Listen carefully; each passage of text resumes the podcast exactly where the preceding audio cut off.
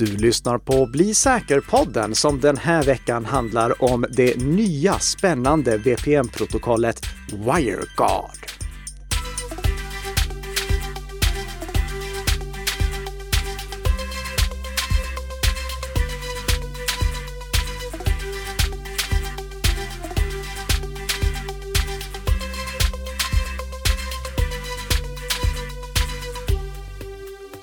Ja, god morgon, god morgon och välkommen till Bli säker-podden säger jag. En till sån här fredagsmorgon mitt i sommaren. En fredagsmorgon som påminner om den förra fredagsmorgonen på det sättet att Tess fortfarande har semester. Så här sitter jag ensam och den här veckan bjuder jag därför in vdn för den svenska VPN-operatören Mullvad för att prata med honom om hur det är att driva en VPN-tjänst från Sverige och det nya VPN-protokollet WireGuard som håller på att ta världen med storm och bli det nya sättet vi använder VPN-tjänster. Det vill du självfallet inte missa, så fortsätt lyssna på den här podden. Vi kommer till den intervjun efter vi har gått igenom veckans snabbisar som vi alltid brukar inleda med i den här podden som produceras i samarbete mellan Nikka Systems och Bredband2. Veckans första snabba nyhet berör lösenordshanteraren Bitwarden. Bitwarden är en av de tre lösenordshanterare som vi rekommenderar på Nika Systems. De andra är LastPassword, äh, LastPass och OnePassword. Bitwarden särskiljer sig från de två andra på det sättet att den har öppen källkod, så vem som helst kan granska den. Och det är ju någonting som vi alltid tycker är bättre ur ett säkerhetsperspektiv jämfört med när källkoden är stängd. Men bara för att källkoden är öppen betyder inte per definition att någonting är säkrare i och med att bara för att någon kan granska källkoden betyder inte att någon faktiskt gör det. Därför är det väldigt glädjande att Bitwarden tar säkerheten på allvar och anlitar en tredjeparts eh, säkerhetsfirma som granskar deras källkod. De har nu slutfört den andra sådana granskningen som eh, utfördes av Cure 53 ett eh, säkerhetsföretag som vi har hört om flera gånger tidigare i det här sammanhanget. Och Cure 53 hade inga allvarliga brister att rapportera. De hade några anmärkningar, två stycken närmare bestämt, och konstigt vore det annars om det hade varit en sån här granskning där det inte fanns några anmärkningar. Då hade varningsflaggorna eh, flaggat för fullt. Men de hade två stycken små anmärkningar som eh, eh, Bitwarden också har kommenterat. De har publicerat vad det var för anmärkningar och deras åtgärder som de har gjort eller kommer att vidta för att eh, åtgärda de här anmärkningarna. Det ligger i en rapport som vi länkar till från artikeln i våra show notes. Eh, precis innan jag gick in för att spela in den här podden så dök det upp en till god nyhet här i Bitwarden-världen. De har nämligen nu uppdaterat sin desktop-version, Windows och Mac-versionen, så att den stöder eh, inloggning med Touch ID och Windows Hello. Så nu går det att använda biometri för att låsa upp den lösenordshanteraren. Vi inleder därför den här podden med att ge två tummar upp till Bitwarden. Väldigt kul att se. Den andra nyheten, den berör den populära tjänsten No More Ransom som vi har pratat om flera gånger tidigare. Det är tjänsten dit du bör vända dig om du råkar ut för en utpressningstrojan i och med att ibland finns det brister i utpressningstrojanerna som gör att det går att dekryptera filerna utan att betala lösensumman. Och på No More Ransom samlas alla verktyg som är populära och kommer från kända utvecklare som hjälper till med att dekryptera utpressningskrypterade filer, om det nu finns något sådant verktyg för den aktuella utpressningstrojanen. Och No More Ransom fyller nu fyra år och på den tiden har No More Ransom samlat ihop 110 verktyg som totalt har laddats ner 4,2 miljoner gånger. Så No More Ransom får en liten extra puff här. Det är en gratis tjänst att använda. Passa på att lägga den i ditt bokmärkesfält i webbläsaren så att du lätt hittar dit om du skulle drabbas av en utpressningstrojan. För som vi pratade om i avsnitt 72 finns det sådana här falska verktyg för att dekryptera utpressningskrypterade filer. Då pratade vi om Zorab, en, ett sånt här verktyg som i själva verket utpressningskrypterade filerna en gång till istället för att dekryptera filerna. Så för att du inte ska hamna på några suspekta ställen, lägg till No More Ransom i ditt bokmärkesfält så hoppas jag innerligt att du aldrig någonsin behöver använda det bokmärket. Med det sagt, låt oss hoppa över till intervjun som jag gjorde tidigare i somras med eh, Jan Jonsson, eh, vd på den svenska VPN-operatören Mullvad. Och bara så att det inte råder några tveksamheter, Mullvad är en rekommenderad VPN-tjänst från Nika Systems sida, men vi har inget ekonomiskt samarbete med dem. Och då säger jag god morgon och välkommen till Jan Jonsson, vd på den svenska VPN-operatören Mullvad. Tack så mycket, kul att vara här. Vi ska alldeles strax grotta ner oss i det här spännande nya VPN-protokollet WireGuard och varför det nu är så fantastiskt. Men innan vi gör det, då är våra lyssnare garanterat nyfikna på vem du är och hur du hamnade som vd på en svensk VPN-operatör. Oh, gud ja, det är en svår fråga uh, och en lång historia. Uh, det är den svåraste jag kommer ställa. ja, jag vet. Ja. Uh, utvecklare i bunden. Jag läste en kurs i programmering när jag var 15 år gammal. ABC 80 tror jag det var. Uh, programmerat på Kompis i skolan. Sen Turbo Pascal. Byggt baser, BBS-system innan Fido kom på den tiden.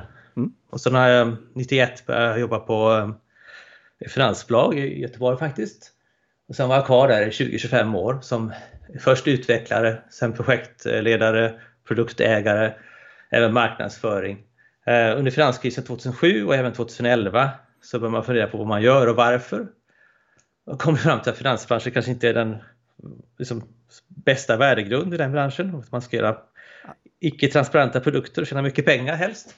Eh, och så samband med det så mullvade upp en annons från Oddwork och jag såg det väldigt intressant och och nappa helt enkelt. Eh, eh, en detalj är min utbildning. Jag programmerade som sagt två år i Skövde, dataelektronik.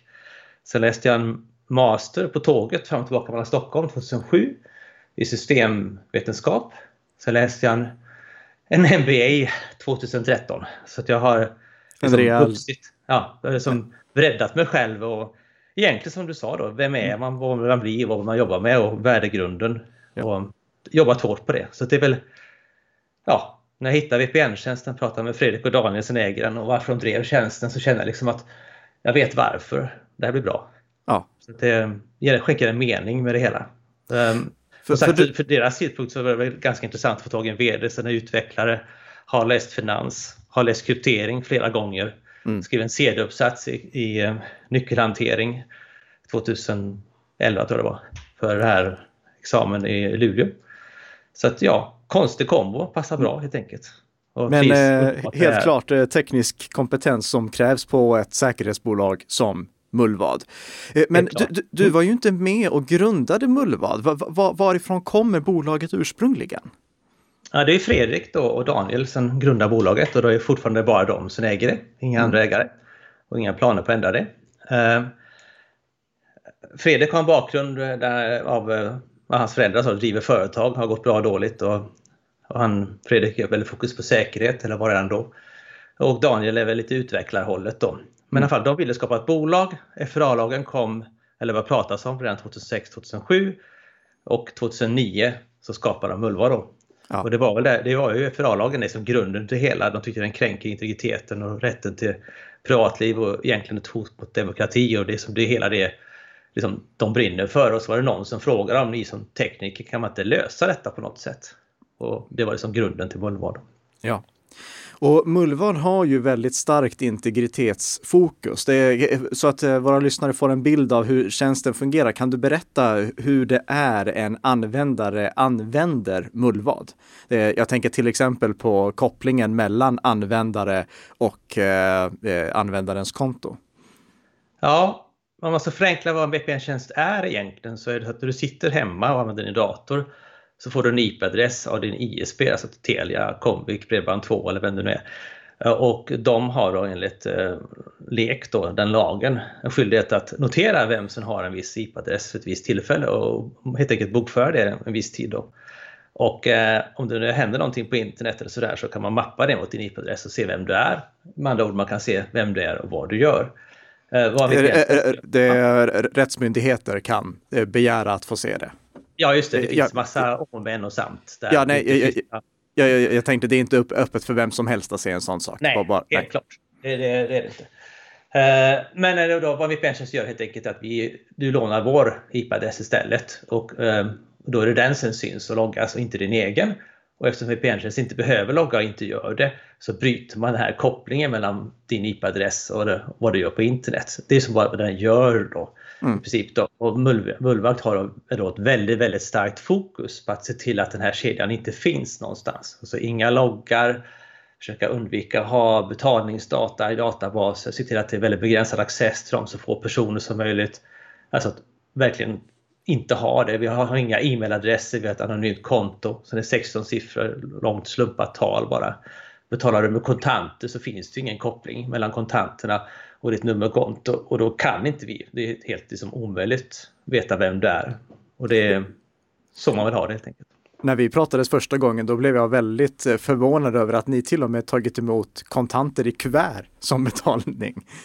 Ja, vi faktiskt eh, senaste gången vi skickade iväg valutor till Loomis var det 40 olika valutor. Ja. Och eh, det är dessvärre mer än vad Loomis tar emot då. Men ändå, det är bra att veta Aha. att eh, det är en princip vi har haft då, för det är, det är den starkaste som ja. möjligheten till praxis vi kan få. Så men är det inte svårt att driva en VPN-tjänst i Sverige med de eh, lagar som vi har här? det där är intressant tycker jag. Det som figurerar mycket i media är det här med 5914 Eyes och sånt där. Precis. Men egentligen FRA-lagen kom ju då 2009 och när Snowden hade sin läcka där så kan, kan, kan, du bara berätta för våra lyssnare vad Five Eyes och Nine Eyes och Fourteen Eyes är? Ja, det är samarbete mellan stater. Alltså, jag tänkte komma till det, men FRA-lagen eller Five Eyes spelar ingen mm. större roll. Utan det som händer är att trafiken över en gräns, alltså mellan Sverige och Norge, Sverige och Finland, Sverige och Ryssland eller vad det nu är. Den kommer myndigheterna liksom att spela in eller lagra eller övervaka eller vad de nu gör med den. De har rätt att titta på den trafiken och även telefonsamtal. Då. Det som är viktigt här är att det finns ett samarbete då, vissa officiella som 5914 Eyes och vissa inofficiella och vissa är stater till stater. Men det finns väldigt många avtal däremellan. Så om man summerar detta så är det egentligen så att all form av trafik är avlyssnad på något sätt så fort det passerar en gräns. Och man ska då väga in då att USA har ju de tuffaste lagarna här, alltså största rättigheten att lyssna på saker. Och om du tänker på vilka bolag och vilka myndigheter, så USA är stort, liksom, tänk dig Google, amerikansk, Facebook, amerikansk, de flesta routertillverkare och stora datortillverkare amerikanska. Alltså att, ja, egentligen allt kommer ju någonstans passera ett amerikanskt bolag, en amerikansk liksom, gräns eller någon utrustning och därav då vara avlyssnad. Så att, alltså, ur den aspekten så är Sverige då inte bättre eller sämre än något annat land för allt avlyssnas då. Men i Sverige har vi en ganska bra klimat rent allmänt när det gäller då integritet. Då. Eh, det finns ju en lag som heter LEK som gör att ISP, alltså internetleverantörer, Telia och så vidare, måste som, spara metadata. Men det är också väldigt tydligt i den lagen att ingen annan behöver göra det. Mm. Så att VPN-leverantörer behöver inte lagra data och en, en VPN-leverantör vore ju dum om de gjorde det. För att om de lagrar datan, då har de datan och då kan de utsätta för andra lagar så att man kanske måste lämna ut den. Men det vore ju bara dumt, så naturligtvis gör vi inte det. Och ingen annan VPN-leverantör i Sverige heller tror jag, för att det vore bara korkat. Så att, um, ja. Nej, det lagliga klimatet i Sverige är väldigt bra. Och om någon som är väldigt intresserad så har vi en sån guide på vår hemsida som går igenom alla lagar. Vi har jurister som tittar på det här så att som det ser ut idag så är svenska lagar ganska bra helt enkelt. Och GDPR var ju också bra tycker jag. Det var ett steg i rätt riktning. Så att lite konsumentskydd är alltid bra. Ja. Men om jag nu skulle vilja använda en VPN-tjänst som er så är det ju för mig superviktigt att ni har koll på säkerheten så att det inte finns några sårbarheter som någon skulle kunna utnyttja. För ni blir ju en väldigt kritisk punkt i min uppkoppling. Hur arbetar ni idag för att säkerställa att tjänsten hålls säker? Ja, det, där, det börjar kanske låter lite konstigt, men det börjar med arbetet med företagskultur. Då. För de flesta bolag har en kultur som är driven att vi ska sälja så mycket som möjligt. Och då vill man ha så många features som möjligt. Och så hur mer features man har, desto lättare att sälja produkten. Och vi har då säkerställt att vi inte har den kulturen på Mullbar, utan vi har liksom, alltså en, en, en, triangel som vi kallar det. Som, den viktigaste saken är kunddata, så kunddata ska till varje pris skyddas. Efter det så kommer nycklar och lösenord och sen kommer utrustning, datorer, datahallar och sånt där att vi försöker som, jobba med kulturskapandet, det är nummer ett. Eh, att säkerhet får ta tid, får kosta pengar och ska man välja mellan säkerhet eller features så väljer vi säkerhet och därför har Mullvar som ibland uppfattas som ganska avskalad produkt och det är för att vi med bibehållen säkerhet inte har hunnit dit helt enkelt och göra alla de här häftiga sakerna som kanske någon annan har gjort. Då. Eh, så det, det är grunden i det hela. Sen gör vi audits eh, regelbundet. Vi har två publika audits gjorda på vår app på alla plattformar. Det är Cure 53 som har gjort dem. Mm. Och det är säkert för mig som VD då, jag sitter ju inte och kodar själv, jag måste ju ha någon annan som granskar. Eh, vi jobbar med open source, all vår källkod finns på internet så vem som helst kan läsa den. Ehm, vi har en kultur där man jobbar inte ensam som utvecklare, man jobbar i par minst eller en hel grupp och gör sådana här pull request och tittar på varandras kod och kommenterar den. Vi, vi har mycket remote-folk och sånt där så vi flyger in alla till Sverige när det inte är coronatider då, två gånger om året och har event där vi åtminstone ägnar ett par dagar åt att prata om säkerhet. Så att kulturen är viktigast och så lite checkpoints i form av audit och annat. Ja. Sen verkligen säkerställa att det verkligen blir så också för att om man inte gör det då, då tar ju säljsidan över och mm. penningasidan över.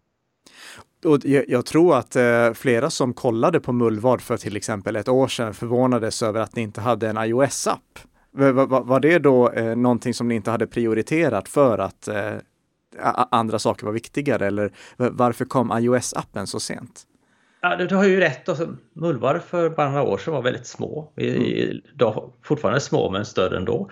Eh, det är en resursfråga. Alltså när vi ska göra vår desktop-app så tog det, det tog ungefär tre år att göra nya varianten. Då. Och det är ju typ, typ den höll på att säga tio gånger längre än man skulle förvänta sig. Men då har vi då brandvägsintegrationer på alla plattformar och liksom verkligen liksom hängslen och livrem i alla lägen då.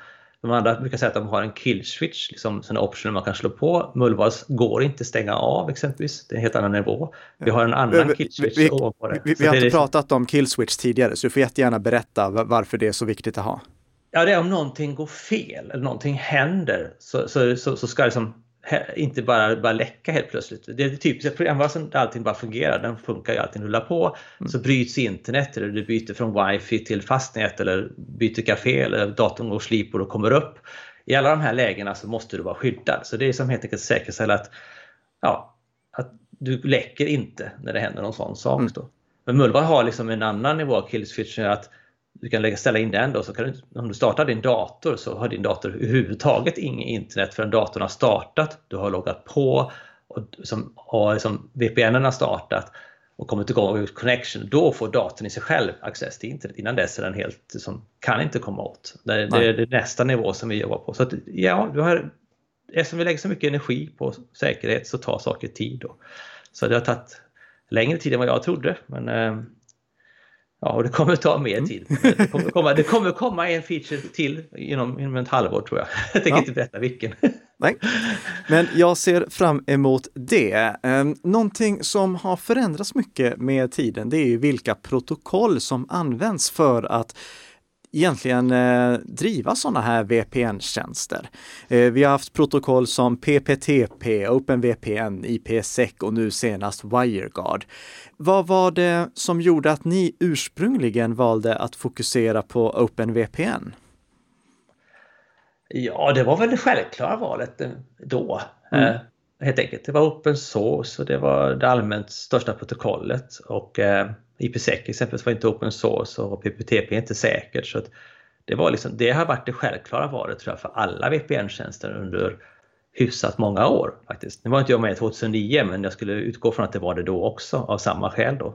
Var som störst, bäst och vackrast helt enkelt. Mm. Och det, det, är ju det som fortfarande väldigt många VPN-tjänster använder. Jag ska bara flika in här också att du, du, eh, tog bort min nästa fråga om vilka protokoll man ska använda. Vi kan bara kort säga här till alla våra lyssnare att PPTP ska ni inte under några som helst omständigheter använda.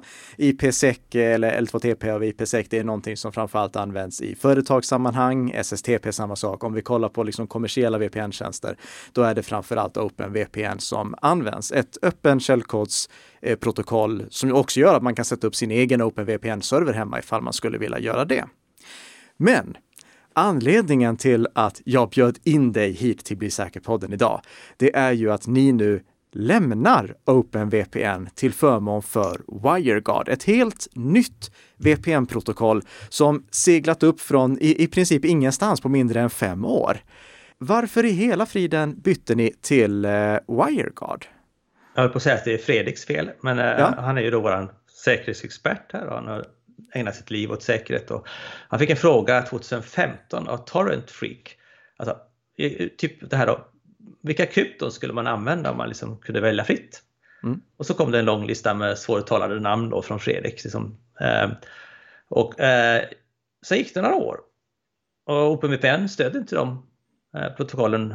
Idag stöder de ett par, om inte alla. Men så kom plötsligt då Jason där med WireGuard och hade anammat precis allt som Fredrik drömde om i princip. Det är det här, så här borde man göra om man gör det vackrast möjligt. Liksom. Och det väckte ju Fredriks intresse. Och sen då det här då att Fredrik eh, vet som alla säkerhetsexperter att komplexitet är liksom inte bra för säkerhet. Enkelhet är bra. Mm. WireGuard är väldigt litet. Alltså det det, från början var det 4000 rader kod, jag tror det är 7000 idag. Men det är liksom ingenting, bara en del av OpenVPN, alltså TLS-implementationen tror jag är några hundratusen rader. Och då förstår man att en stor del av WireGuards styrka är att använda rätt krypton, vara jätteenkelt. Alltså det gör det liksom läsbart. Man kan alltså läsa hela WireGuards källkod om man nu eh, programmerar och, ja. och hyfsat förstå vad som händer och det är lätt att göra något på det hela. Och det är, mm. ja, det är helt enkelt mindre komplext. Ja, visst är det så. För ju, ju, ju, fler rader kod du har, desto större är sannolikheten att eh, du har missat någonting eller skrivit fel någonstans som gör att det finns en, en säkerhetsbrist. Ja, eh, det, är ju, det är ju exponentiellt. För varje sak du lägger till, varje feature du lägger till så blir det dubbelt så svårt att kolla. För antal ja. konversioner dubblas. Så att det är verkligen så, ja. Och ni var väl även involverade i själva framtagandet av WireGuard? Ja, eftersom Fredrik blev så tänd på detta så har vi då vid flera tillfällen bidragit med pengar då till, mm. till WireGuards utveckling. Det har också andra gjort, inte bara vi. Eh, även andra VPN-leverantörer. Men eh, ja, det har vi gjort. Vi tror väldigt starkt på det av de här skälen då. Det finns andra skäl också innan jag glömmer bort att säga dem. Det är väldigt snabbt och det är väldigt enkelt att implementera. Det gör ju det att en, en liten router exempelvis eller en liten Internet of Things-pryl då kan köra detta och får en väldigt bra prestanda. Och det är hyfsat enkelt att göra också. Så det finns många skäl. Mm. Det är någonting som eventuellt våra tekniska lyssnare har märkt att om de till exempel har velat köra eh, OpenVPN på sin egen eh, konsumentrouter så blir prestandan fruktansvärd för att OpenVPN är så pass krävande. Eh, och då fördelen med WireGuard är att det inte är lika prestandakrävande och därmed kan ge en högre hastighet. Ja, eh, dator sa det innan jag glömmer det, OpenVPN kör på en process på en dator, en kärna. Eh, WireGuard kan köra på alla kärnor och det har ju också en bidragande effekt att prestandan är bättre både på server och, och klientsidan. Då. I didn't know. Nej. Eh, eh, men alltså, kände ni inte att det var riskfyllt att hoppa på någon så här ny teknik som WireGuard? Ja, men i och med att det är så få rader kod så kan man ju läsa den. Ja. Och man kan ju prata med människorna. Vi har ju träffat Jason. Och det faktum är att det är många som har läst den, inte bara vi. Eh, som det har kommit med nu i Linus-kärnan och det mm. gör att det varit väldigt, väldigt många ögon på den lilla koden. Eh, och den har ju förbättrats och stött och blött då och vuxit från 4000 rader till 7000 rader under den processen. Då. Men det är väldigt, väldigt många människor som har tittat på koden trots att det inte har skett någon officiell säkerhetsaudit vad jag vet av den än. Så är det i alla fall många experter som har kollat på den. Eh, då ska jag berätta en liten sak för dig. Eh, det var faktiskt i samband med att eh, eh, själva WireGuard-projektet kom in i Linux-kärnan som gjorde att jag tänkte okej, okay, men nu, nu, vågar jag nog faktiskt börja använda det här. För jag var skeptisk inledningsvis när, när, ni hoppade på något sånt här helt nytt som jag inte hade hört talas om. Och du vet, allting som man inte hört talas om, det, det, det, det är man lite rädd för. Med rätta ska jag säga. Man ja. måste ju måste antingen kolla själv då, vilket är väldigt jobbigt, eller låta någon som man litar på kolla. Det håller jag med om. Mm. Eh, men eh, vi har sett att fördelarna med det, det är då eh, prestandan. det är att det är lätt att kontrollera ifall det finns några säkerhetsbrister i det. Finns det några fler stora fördelar med WireGuard? För ni måste ändå ha plöjt ner väldigt mycket pengar i att göra alla era klienter WireGuard-kompatibla. Ja, det, ja det, det kan man ju säga. Att jag mulvade igen då säkerhetsaspekten. Det tog ungefär två och ett halvt år från att våran, ja, att få det där gjort kan man säga ordentligt. Mm. Eh, så det, det, det, det, är en lång resa, mycket, mycket lång resa.